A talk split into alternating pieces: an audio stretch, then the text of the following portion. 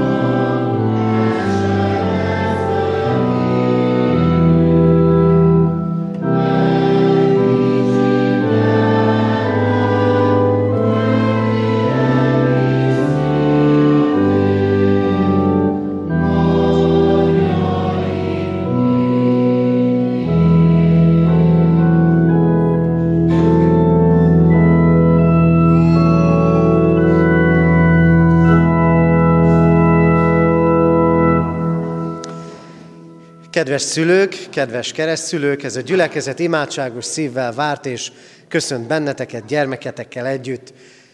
Áldjuk Istent, aki arra indított titeket, hogy elhozzátok őt, és részesüljön a keresztség sákramentumában.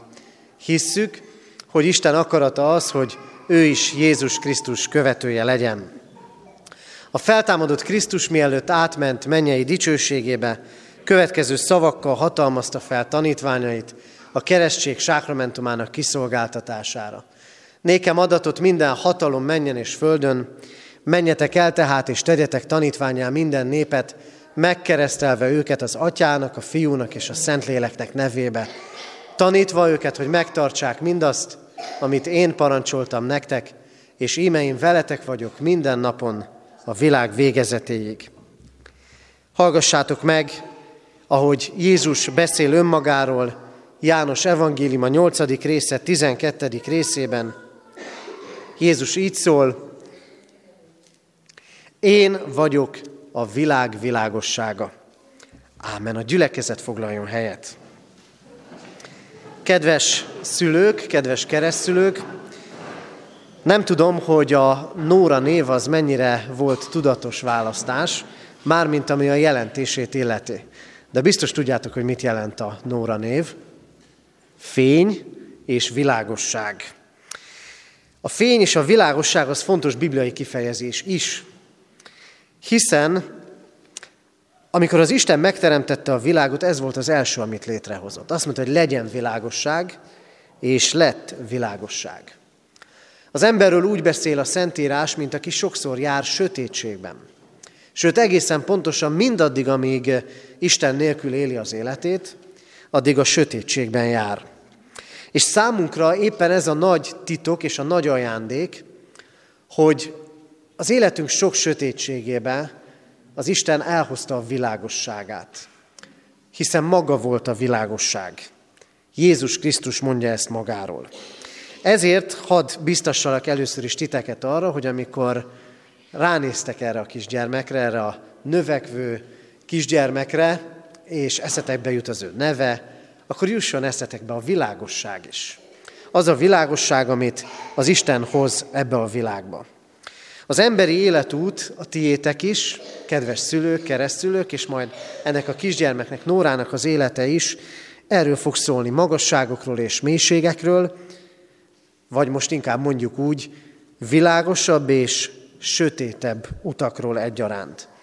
Ezen az úton nagyon fontos az Isten szövetsége. Fontos a ti életetekben. Amit megéltetek, hiszen ti is meg keresztelve, van, aki közületek konfirmált is.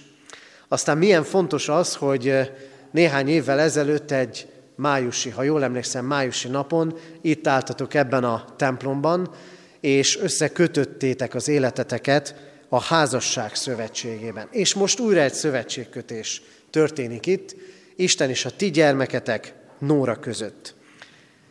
Az Isten az ő, a sötétségből az ő világosságára hívja őt. Erről szól a keresztség. Az Isten szövetségében az ember megláthatja az életét, és azt a legnagyobb célt, az örök életet, amit az Isten elkészített az ő számára. Ma ezért legyen ott bennetek a hála. A hála Nóra életéért, ahogy ő, az Úristen őt nektek adta, és ahogy vele volt életének eddigi három esztendeje alatt. Aztán legyen úgy ott a világosság, hogy ti is Krisztusra találtok. Mert ő a ti életeteket is beragyogni akarja. Üdvösségre vezetni benneteket. Aztán még hadd hozzak ide egy bibliai igét, azt olvassuk egy helyen a Zsoltárban, lábam előtt mécses a te igéd, ösvényem világossága. Az Úristen úgy akar ott lenni Nóra életében is, és mindannyiunk életében, hogy utat akar mutatni. Abban a, hát talán egyre inkább bonyolultá váló világban, amiben élünk. És végül van még egy olyan fontos üzenet, hogy Jézus azt mondja, ti vagytok a világ világossága. Hogy nekünk is ragyognunk, világítanunk és fénylenünk kellene ebben a világban. Azt gondolom, az Úristen őt is erre hívta el, hogy ragyogjon ebben a világban. És arra hívott el titeket, szülőként és keresztülőként, hogy az Isten világosságát mutassátok föl neki, hogy erre a fényre vezessétek előtt. Vezessétek így abban, ahogy imádkoztok érte, és ahogy nevelitek őt szülőként és keresztülőként. És így áldjon meg az Isten titeket ebben a szolgálatban, és áldja meg őt az Úristen, hogy amiként az ő neve is hangzik, az Isten világossága lehessen. Az Isten világosság lehessen számára, és ő is világosságként ragyogjon ebben a világban. Ámen. Kedves szülők, keresztülők, valljátok meg most hiteteket a gyülekezettel együtt, mondjuk el együtt közösen fennállva az apostoli hitvallást. Hiszek egy Istenben, mindenható atyában, mennek és földnek teremtőjében, és Jézus Krisztusban, az ő egyszülött fiában, a mi úrunkban, aki fogantatott Szentlélektől, született Szűz Máriától, szenvedett Poncius Pilátus alatt, megfeszítették, meghalt és eltemették. Alászállt a poklokra, harmadnapon feltámadt a halottak közül, fölment a mennybe, ott ül a mindenható Atyaisten jobbján, onnan jön el ítélni élőket és holtakat. Hiszek Szentlélekben, Hiszem az egyetemes anyaszent egyházat, a szentek közösségét, a bűnök bocsánatát, a test feltámadását és az örök életet. Ámen. Kedves szülők, keresztszülők, jelentsétek ki szándékotokat, és tegyetek fogadalmat, hogy Nórát a református egyház közösségében hitben nevelitek. Akarjátok-e, hogy Nóra a keresztség által az Atya, a Fiú és a Szentlélek közösségébe, a keresztjén anyaszent egyházba befogadtassék? Ha igen, válaszoljátok együtt, akarjuk. Akarjuk. Isten áldja meg a ti elhatározásotokat. Ígéritek-e, fogadjátok-e, hogy őt úgy nevelitek és neveltetitek, hogy majd, ha felnő, a konfirmáció alkalmával ő maga önként tegyen vallást a Szent Háromság Istenbe vetett hitéről, a gyülekezet és Isten színe előtt. Ha igen, válaszoljátok, ígérjük és fogadjuk. Ígérjük és fogadjuk. Isten lelke adjon erőt fogadalmatok teljesítéséhez. Most pedig hozzád fordulok, Isten népe, református keresztény gyülekezet, Ígéritek el, hogy ezt a kisgyermeket, Nórát is szeretetben és imádságban hordozzátok, és a szülőknek, keresztülőknek minden segítséget megadtok ahhoz, hogy őt hitben neveljék. Ha igen, válaszoljuk együtt, ígérjük. Ígérjük. Isten lelke erősítsen meg minket is, hogy teljesítsük-e fogadalmat. Imádkozzunk. Urunk, áldunk téged azért, mert te vagy a világ világossága és áldunk téged azért, mert életünk minden nagy történésében, örömében, hálaadásában a te világosságod ragyog ránk. Köszönjük, Urunk, az életet, Nóra életét, azt, hogy szüleinek és egész családjának ajándékoztad őt. Köszönjük az elmúlt éveket, amikor már mellette voltál, Adtál neki növekedést testben, értelemben, lélekben egyaránt. Azért könyörgünk, Urunk, hogy megismerhesse ő a Te örök világosságodat. A benned való hit által, a szövetség vére által ővé is lehessen az elkészített üdvösség. És így kérünk, Urunk, vezesd őt életének minden napján ígéretet szerint. Ajándékozz meg őt benned való igaz, üdvözítő hittel, hogy úgy ragyogjon a világossága az emberek előtt, hogy lássák jó tetteit, és dicsőítsenek téged, a mennyei atyát. És ebben a szolgálatban kérünk, áld meg a szülőket, a keresztülőket, hogy érte imádkozva, őt hitben nevelve tudják betölteni iméntett fogadalmukat. Kérünk, Urunk, hallgass meg minket. Ámen.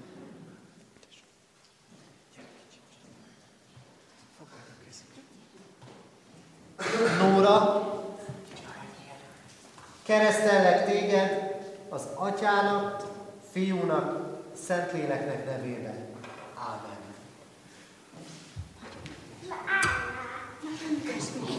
Nóra, áldjon meg téged az Úr, és őrizzen meg téged. Világosítsa meg az Úr az ő arcát rajtad, és könyörüljön rajtad. Fordítsa az Úr az ő arcát rád, és adjon néked békességet. Áldjon meg testben, lélekben való növekedéssel, Isten dicsőségére, szüleidnek örömére, egyházunknak és nemzetünknek javára. Ámen. Most pedig az édesanyja imádkozik gyermekéért. Hálát adok neked, jóságos édesatyám a mennyekben, hogy kegyelmesen mellettem voltál gyermekem születésénél. Hálát adok, hogy jóságosan megtartottál és megsegítettél engem, és most egészséges gyermekemet engeded ölellem. Minden jóságodért legyen áldott a te szent neved. Alázatosan kérlek azonban mindenható Szent Isten, légy, maradj velem ezután is. Engedd, hogy gyermekemet felnevelhessem, adj erőt és józanságot, hogy őt nem csak magamnak, hanem neked is megtarthassam, és szent akaratot követésére szoktassam. Mennyei atyám, te gyermekemet szívem örömévé, hitves társam és minden szerettem boldogítójává. Engem pedig támogass anyai hivatásom betöltésében, hogy enyéimmel együtt mindenkor áthassam atyai kegyelmedet, Szent Fiad, az Úr Jézus Krisztus által. Ámen. Foglaljunk helyet testvérek, és Folytassuk Isten tiszteletünket a 170. dicséretünk első öt versének éneklésével. 170. dicséretünk első öt versét énekeljük. Az Úristent magasztalom, jó voltáról emlékezem. thank you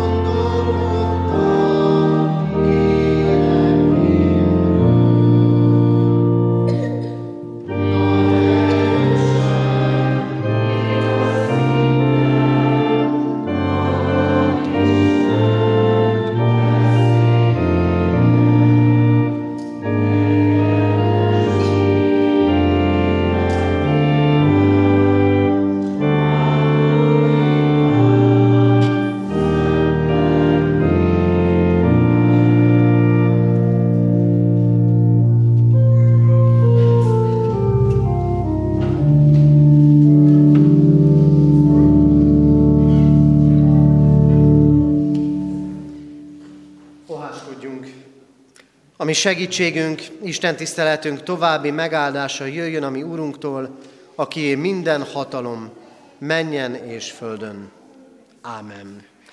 Kedves testvérek, hallgassuk meg Isten igéjét, hogy szól hozzánk Márk evangélium a 11. részéből, a 11. fejezet 12. versétől a 14. verséig, valamint a 20-tól a 33. verséig tartó ige szakaszából. Isten igéjét figyelemmel, helyünket elfoglalva hallgassuk.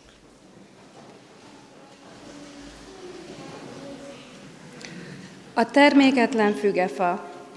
Másnap pedig, amikor Betániából elindultak, megéhezett, és messziről meglátva egy zöldelő fügefát, odament, hát ha talál rajta valamit.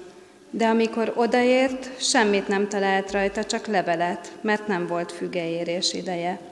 Jézus megszólalt, és azt mondta a fának, senki ne egyék róla gyümölcsöt, soha többé. A tanítványai is hallották ezt. A fügefa elszáradása. Korán reggel, amikor elmentek a fügefa mellett, észrevették, hogy az gyökerestől kiszáradt. Péter visszaemlékezve így szólt hozzá. Mester, nézd, a fügefa, amelyet megátkoztál, kiszáradt. Jézus így válaszolt nekik, higgyetek Istenben. Bizony mondom néktek, hogy aki azt mondja ennek a hegynek, emelkedjél fel és vesd magad a tengerbe, és nem kételkedik szívében, hanem hiszi, hogy amit mond, az megtörténik, annak meg is adatik az. Ezért mondom nektek, higgyétek, hogy mindazt, amiért imádkoztok és amit kértek, megkapjátok, és meg is adatik nektek.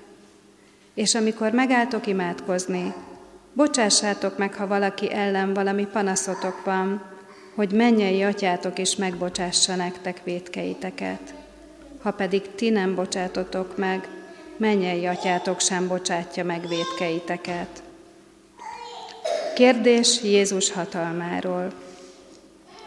Ismét bementek Jeruzsálembe, és miközben Jézus körüljárt a templomban, oda mentek a főpapok, az írástudók és a vének, és így szóltak hozzá. Milyen hatalommal cselekszed ezeket, és kiadta neked a hatalmat arra, hogy ilyeneket tegyél? Jézus így válaszolt nekik. Én is kérdezett tőletek valamit, feleljetek rá, és megmondom nektek, milyen hatalommal cselekszem ezeket. Vajon a János keresztsége mennyből való volt-e, vagy emberektől? Erre válaszoljatok nekem. Azok pedig így tanakodtak maguk között. Ha azt mondjuk a mennyből, azt fogja mondani, akkor miért nem hittetek neki? Vagy talán mondjuk azt az emberektől? De féltek a sokaságtól, mert Jánosról mindenki azt tartotta, hogy valóban proféta volt. Ezért így feleltek Jézusnak. Nem tudjuk. Jézus erre így szólt hozzájuk, én sem mondom meg nektek, milyen hatalommal cselekszem ezeket. Isten szent lelke tegye áldásá szívünkben az igét, és adja meg nekünk, hogy megérthessük annak üzenetét. Hallgassuk meg most a Heidelbergi KT mai napra rendelt kérdés feleletét, a 62. kérdést és feleletet. Miért nem számíthatnak a mi jó cselekedeteink Isten előtt való igazságunként, vagy annak valami részeként? Azért, mert annak az igazságnak, amely Isten ítélő széke előtt megállhat, teljesen tökéletesnek és az Isten törvényével egészen megegyezőnek kell lennie, a mi legjobb cselekedeteink is azonban ebben az életben mind tökéletlenek és bűnnel beszennyezettek. Jöjjetek, imádkozzunk!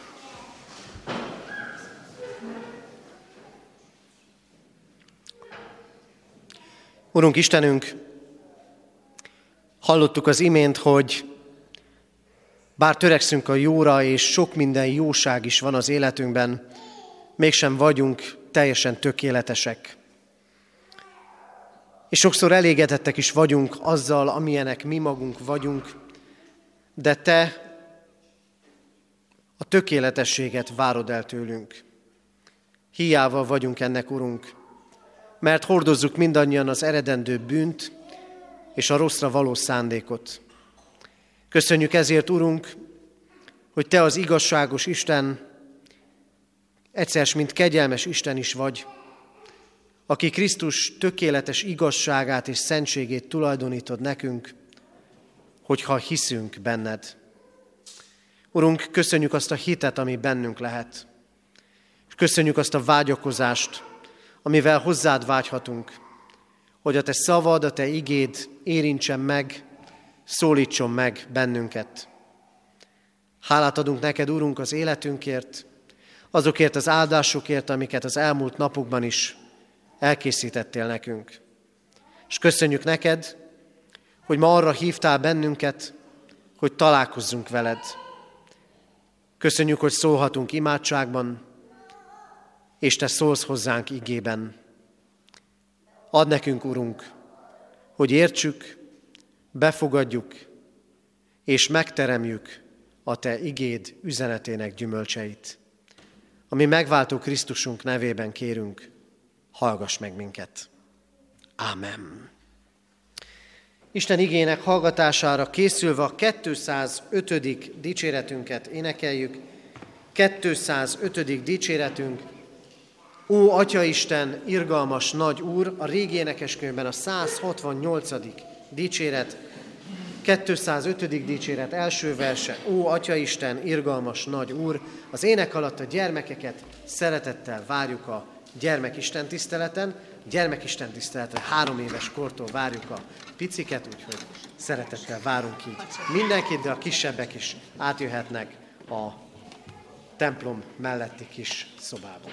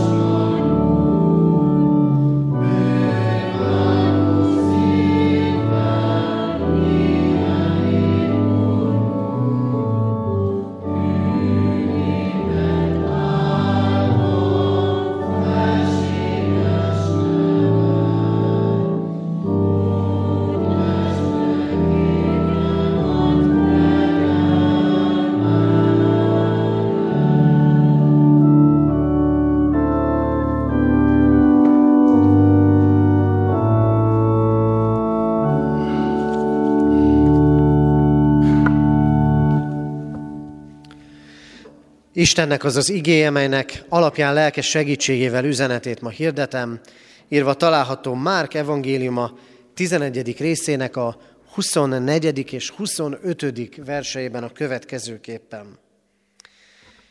Jézus mondja, ezért mondom nektek, higgyétek, hogy mindazt, amit imádságotokban kértek, megkapjátok, és megadatik nektek. És amikor imádkoztok, bocsássatok meg annak, aki ellen valami panaszotok van, hogy mennyei atyátok is megbocsássa nektek védkeiteket. Ámen.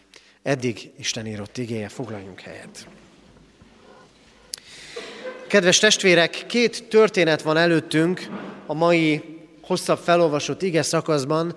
Az egyik egy kicsit érthetetlen, a fügefa elszárításának története, a másik pedig, amikor Jézus ellenfelei, a farizeusok oda mennek és megkérdezik Jézust, hogy de hát milyen hatalommal teszed ezt, és mivel ők okoskodnak, kitérő választ adnak Jézus egy kérdésére, nem kapnak erre választ. A fókuszában ennek a két történetnek tehát Jézus Krisztus hatalma áll. Ami érdekes ezzel kapcsolatban az az, hogy amikor az evangéliumokat olvassuk, akkor Jézus hatalmát a legtöbb esetben, döntő részben úgy látjuk, mint ami pozitív változást eredményez. Megszabadítja az ördögtől megszállt embereket. Bűnöket bocsát meg. Betegeket gyógyít meg. Viharba került tanítványokat menekít ki úgy, hogy lecsendesíti a vihart. Ehhez képest, picit érthetetlenül is, ebben a történetben nem így látjuk. Jön Jézus, megéhezik, lát egy fügefát, venni akar róla fügét, nem lát rajta semmit, és az isteni hatalmával megátkozza ezt a fügefát, ami másnapra teljesen kiszárad. Rögtön tisztázni is kellene valamit.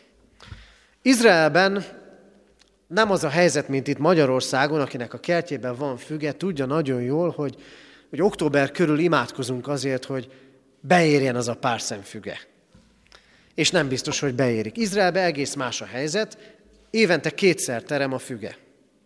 Ami azt is jelenti, hogy vagy füge gyümölcsnek, vagy gyümölcs kezdeménynek az év minden időszakába kell lenni a fügefán. Tehát amikor Jézus oda megy ehhez a fához, és csak leveleket lát rajta, akkor nem csak, hogy érett gyümölcs nincs rajta, de még kezdemény se. Tehát ez egy terméketlen fügefa. Nem tölti be a funkcióját.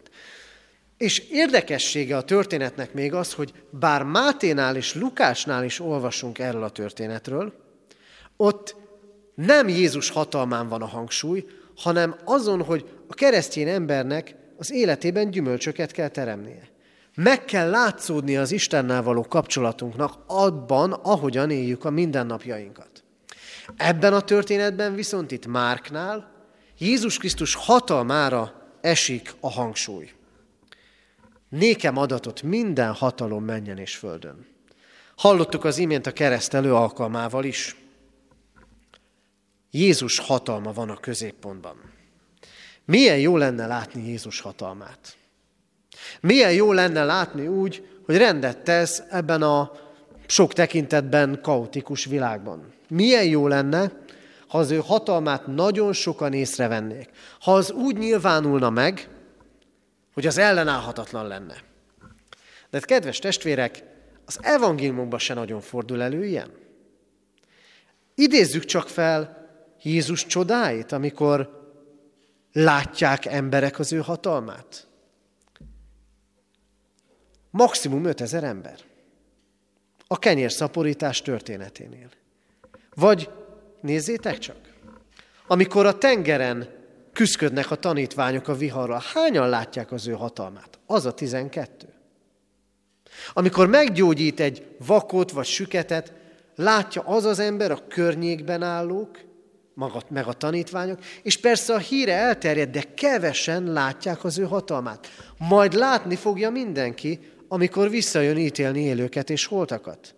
Amikor Krisztus nevére minden térd meg fog hajolni, mert ellenállhatatlanul láthatóvá válik az ő hatalma. És ez mégis nagy vigasztalás nekünk. Mert ez azt jelenti, hogy a magunk életének az ügyes bajos dolgaiban, a magunk sokszor erőtlen életében nincs akadálya, hogy Jézus hatalma egészen személyesen láthatóvá, átélhetővé, megtapasztalhatóvá váljék. Ezért ma arról szeretnék szólni közöttetek, ki tapasztalhatja meg az Isten hatalmát? Mi kell ahhoz? Isten hatalmát megtapasztalhatja az először is, aki bátran mer kérni. Néha elcsodálkozunk a gyermekeken, szerintem a Nórinak a szülei is megerősítenek ebben, meg akinek kisgyermeke van, az próbálkozik beszabályozni a gyereket, hogy szépen kérjen. És néha olyan dolgokat tudnak kérni, hogy, bocsánat, ketti áll a fülünk tőle. Hogy veszed ehhez a bátorságot?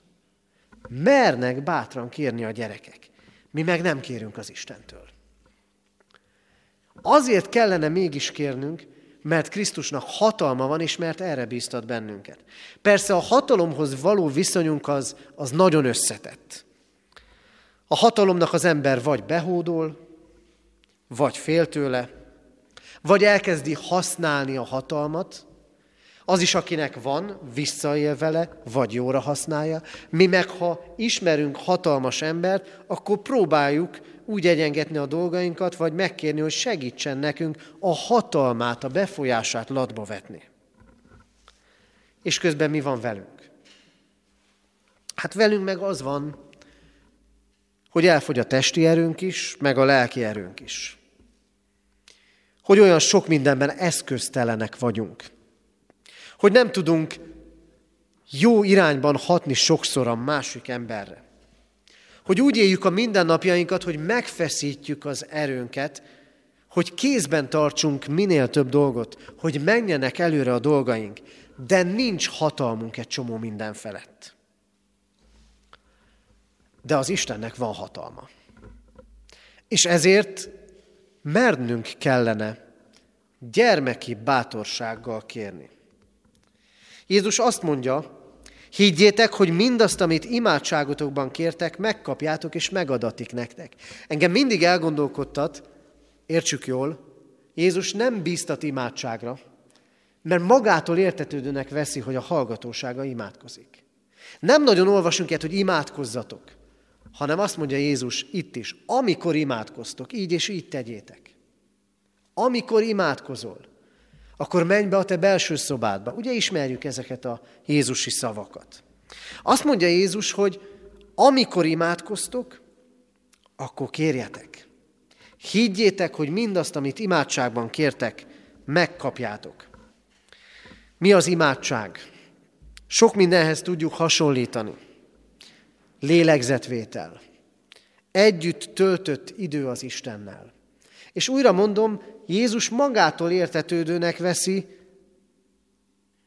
és persze tanítja imádkozni a tanítványokat, de magától értetődőnek veszi, hogy ezek imádkoznak.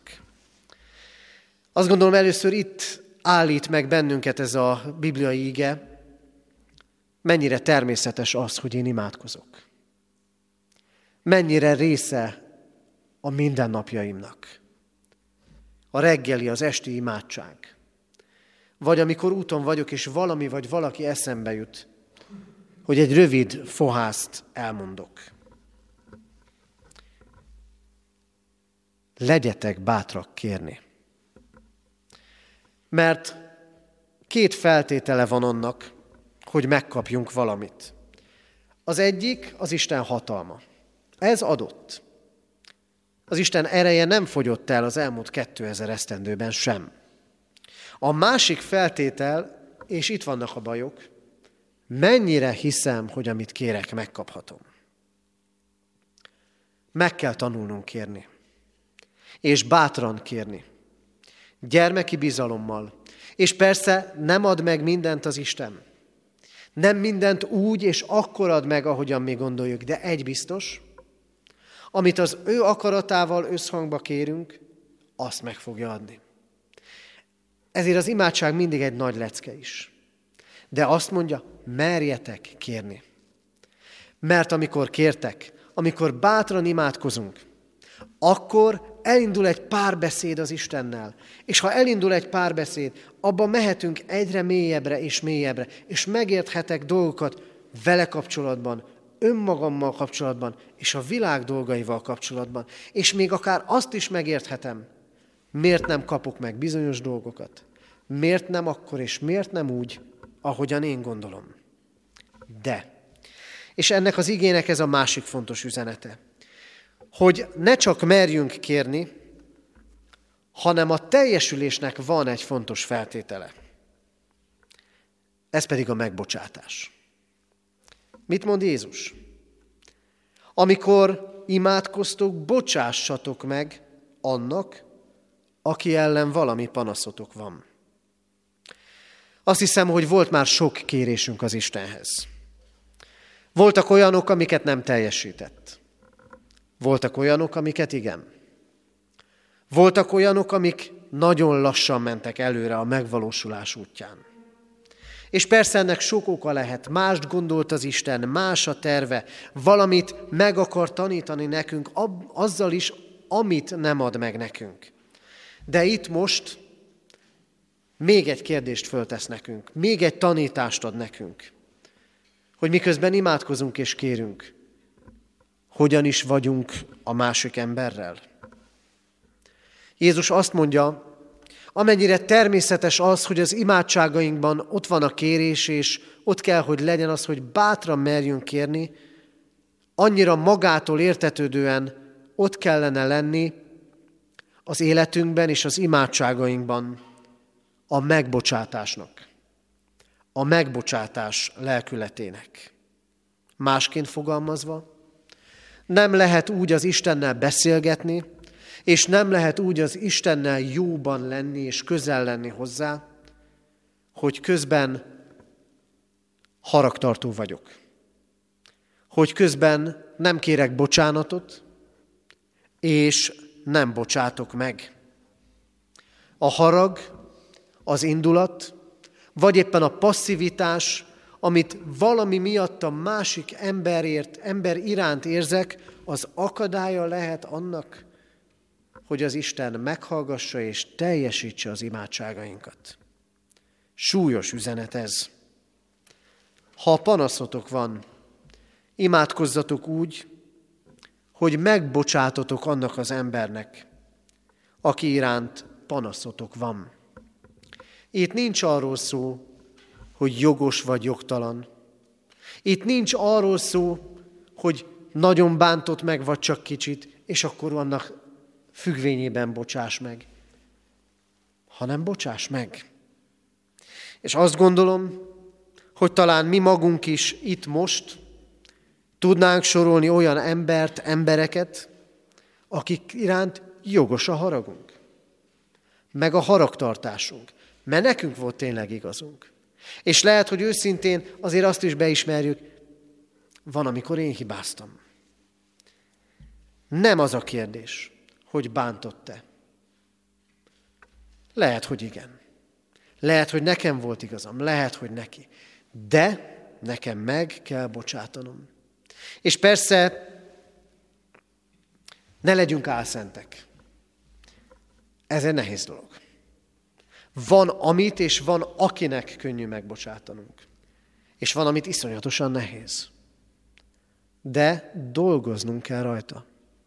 Törekednünk kell arra, hogy meg tudjunk bocsátani, és ezt milyen szép összekapcsolódás ez.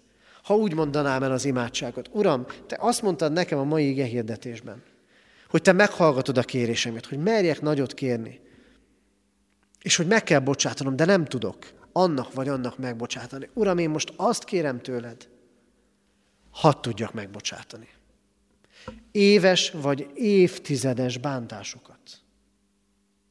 Hallgass meg ezt az én nagy kérésemet, amivel lehet, hogy nem is foglalkoztam az utóbbi időben, de itt és most te rámutattál arra, hogy ebből meg kell térnem.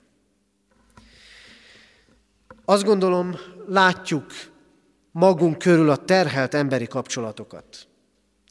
Látjuk az indulatokat, látjuk az ellenségeskedéseket, látjuk az elgennyesedett és betokosodott sebeket a magunk meg a másik életében, mert nincsen megbocsátás. A keresztény ember útja nem ez. A keresztény ember útja az, mivel bocsánatot nyertem Krisztusban, ezért nekem is meg kell bocsátanom. Ezért nekem is el kell engednem dolgokat. Ezért az én életemben is igaznak kell lennie annak, amit Pálapostól olyan szépen fogalmaz meg a szeretet himnuszában, a szeretet nem rója fel a rosszat. Fölróhatnám? Igen. Igazam lenne? Igen. De mert szeretek, nem dörgölöm az orra alá. Hanem imádkozok érte. És azért, hogy én meg tudjak bocsátani neki. Nagy feladat ez, és azt hiszem, hogy kell mindannyiunknak dolgozni ezen. Végezetül pedig. Legyünk tisztában azzal, hogy nem az imádság fog segíteni. Értsük jól, nem az imádság fog segíteni, hanem az Isten hatalma. Az imádság eszköz és lehetőség, de a kulcs Krisztus hatalma, és az, hogy hiszem-e, hogy ő meg tudja adni a kéréseimet. A hit ismeret. Tudom, hogy ki az Isten. Tudom, hogy megváltott Krisztusban, és megbocsátott nekem, nekem is mindent. Tudom a történeteket, amik az ő felemelő hatalmáról szólnak. A hit ismeret, de a hit bizalom is. Hogy nem csak ott akkor, hanem itt, velem is, velünk is az Isten csodát tud tenni. Hogy megváltó hűsége és szeretete engem is üdvözítő hitre vezet, hogy el tudja végezni bennem, hogy kész legyek megbocsátani, hogy tudjak imádkozni azokért a dolgokért, amikért már talán nem is imádkozom, mert belefáradtam. De az Isten ma azt ígéri, merjünk kérni, és ő meghallgatja könyörgéseinket, és megadja azt, ami valóban épít, és akarata szerint való. Kedves testvérek, a bevezetésben azt mondtam, hogy amikor Krisztus itt élt a földön, a legtöbb csodáját nem nagy tömegek látták, hanem néhány ember, egy-egy ember pusztán. Az a néhány ember, meg az az, egy, az az egy-egy ember, az te vagy, meg én vagyok.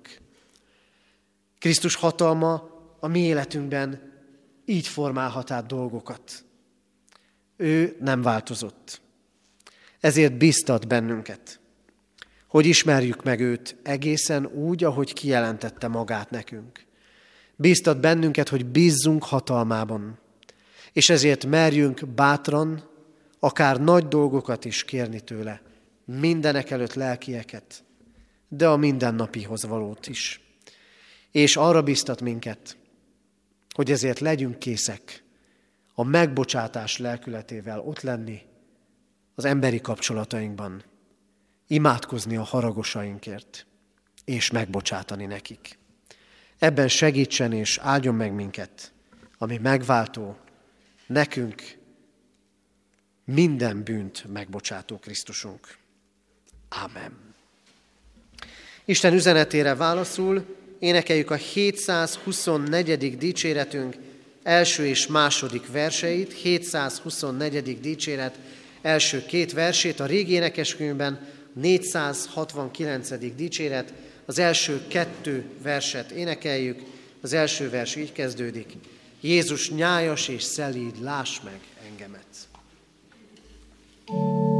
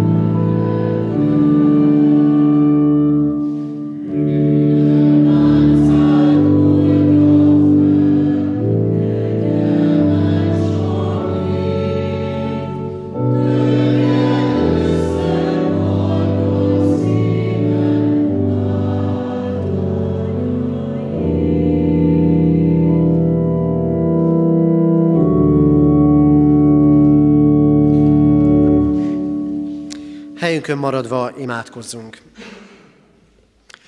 Urunk, áldunk téged a te végtelen hatalmadért, amivel kézben tartasz mindent. Áldunk téged azért, mert a te hatalmad annyiféleképpen meglátszódott ebben a világban már, és a magunk életében is. Áldunk azért, Urunk, mert hatalmaddal megváltottál bennünket a bűntől és a haláltól, hogy örök életre, életünk legyen a Krisztusban való hitáltal.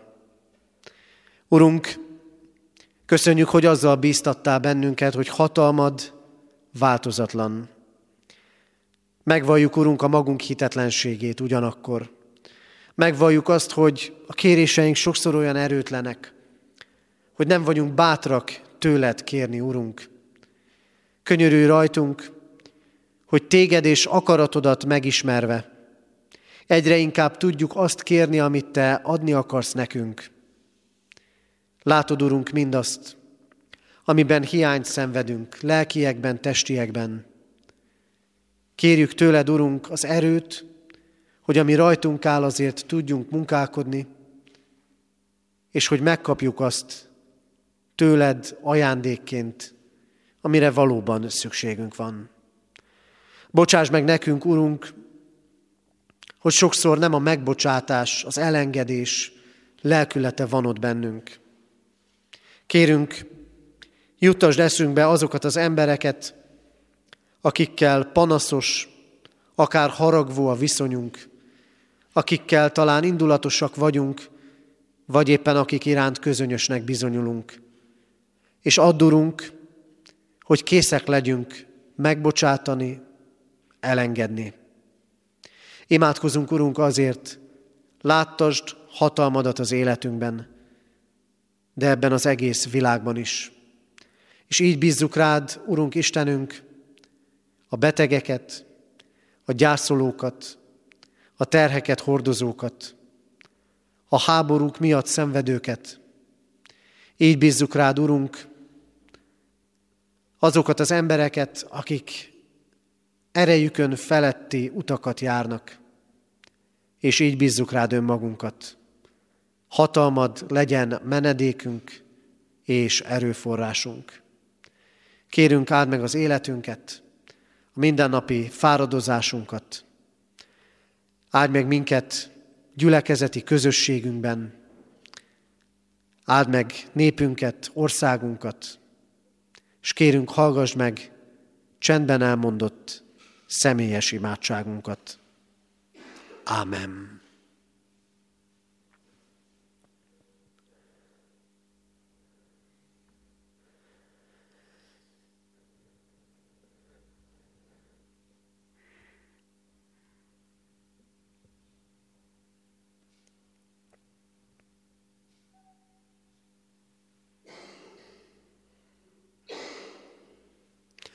Köszönjük, Urunk, hogy meghallgatod a mi könyörgéseinket. Ámen. Fennállva imádkozzunk, ahogy Jézus Krisztus tanított bennünket. Ti azért így imádkozzatok. Mi, atyánk, aki a mennyekben vagy, szenteltessék meg a te neved, jöjjön el a te országod, legyen meg a te akaratod, amint a mennyben, úgy a földön is. Mindennapi kenyerünket add meg nékünk ma, és bocsásd meg védkeinket, miképpen mi is megbocsátunk az ellenünk védkezőknek. És ne vigy minket kísértésbe, de szabadíts meg a gonosztól, mert tiéd az ország, a hatalom és a dicsőség mindörökké. Ámen. Hirdetem az adakozás lehetőségét, mint Isten tiszteletünk hálódó részét. Fogadjuk a mi Urunk áldását, az Isten békessége pedig, amely minden értelmet felülhalad, meg fogja őrizni szíveteket és gondolataitokat a mi Urunk Jézus Krisztusban. Ámen. Foglaljunk helyet, és a hirdetéseket hallgassuk meg. Hirdetem a testvéreknek, hogy a heti alkalmainkat a szokott módon és rendben tartjuk, így holnap hétfőn délután három órakor itt katonatelepen a kézi munkakör összejövetelét tartjuk. Kedden délután ugyancsak találkozhatunk a gyülekezeti teremben, 5 órától bibliaórai közösségben lehetünk együtt, tehát kedden délután. Hirdetjük, hogy pénteken 11 órától lesz református általános iskolánk ballagási ünnepéje és istentisztelete. Jövő vasárnap pedig a szokott rendünk szerint tartjuk Isten tiszteleteinket, így itt katonatelepen 3.4.10-kor, ez alkalommal négy kisgyermek keresztelőjére fog majd sor kerülni. Jövő vasárnap 9 órakor a gimnázium, délután 4 órakor pedig az általános iskola tanévzáró istentiszteletén lehetünk együtt, akiknek gyermeke érintett valamelyik tanévzáron, azokkal így akkor nem fogunk találkozni, de gyülekezet közösségében így is egyek vagyunk. Halottaink vannak. Mészáros László József 56 évet élt, temetése hétfőn három órakor lesz a köztemetőben. Tímár Antalné Tóth Ilona 87 évet élt. Temetése kedden háromnegyed tízkor lesz a köztemetőben. Isten vigasztalása legyen a gyászolókkal. Adományok érkeztek az elmúlt héten egyházfenntartói járulékként 112 ezer forint, Isten dicsőségére 33 ezer, Emmaus házjavára 10 ezer, rászoruló hittanos gyerekek táboroztatására 25 ezer, cigány misszióra 20 ezer, Széchenyi Városi Misszióra 131.285, és az egyházi gyűjtemények országos konferenciájára 100 ezer forint adomány érkezett. Eheti ima témaként hordozzuk imádságban az általunk fenntartott intézményekben és a város más intézményeiben hittanórára járó hitoktatásban részesülő gyermekeket és fiatalokat. Hirdetjük a testvéreknek, hogy a református könyvesboltban, a református pontban június 30-áig kiárusítást tartunk, minden könyv kedvezményes áron vásárolható. Hirdetjük a diakonés szolgálatunk kéréseit egyrésztről, diakonés szolgálatunk utazó táskák gyűjtését szervezi, gyermekek nyári táboroztatásának segítésére, jó állapotú, de már nem használt utazótáskákat le lehet adni a diakóniai központban, tanév végéig a tanodában, illetve itt a katonatelepi templomban is. Ugyancsak továbbra is várjuk a tartós élelmiszer gyűjtés keretében a diakóniai célú felajánlásokat. Az Úr legyen a mi gyülekezetünk őriző pásztora. Záró énekünket énekeljük, a már énekelt, imént énekelt 724. dicséretünk, régi énekeskönyv 469. dicsérete. Utolsó három versét, vagyis a harmadik, negyedik és ötödik verseket énekeljük. 724. dicséret, harmadik verse így kezdődik. Szabadságot adj nekem, és tiszta szívet.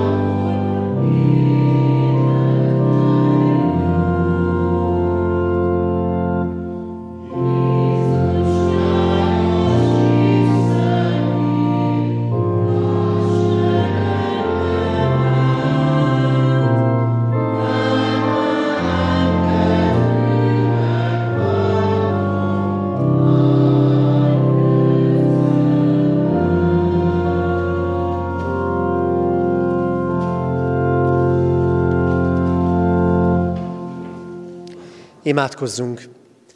Hűséges Jézusunk, tégy minket a Te szófogadó tanítványaiddá.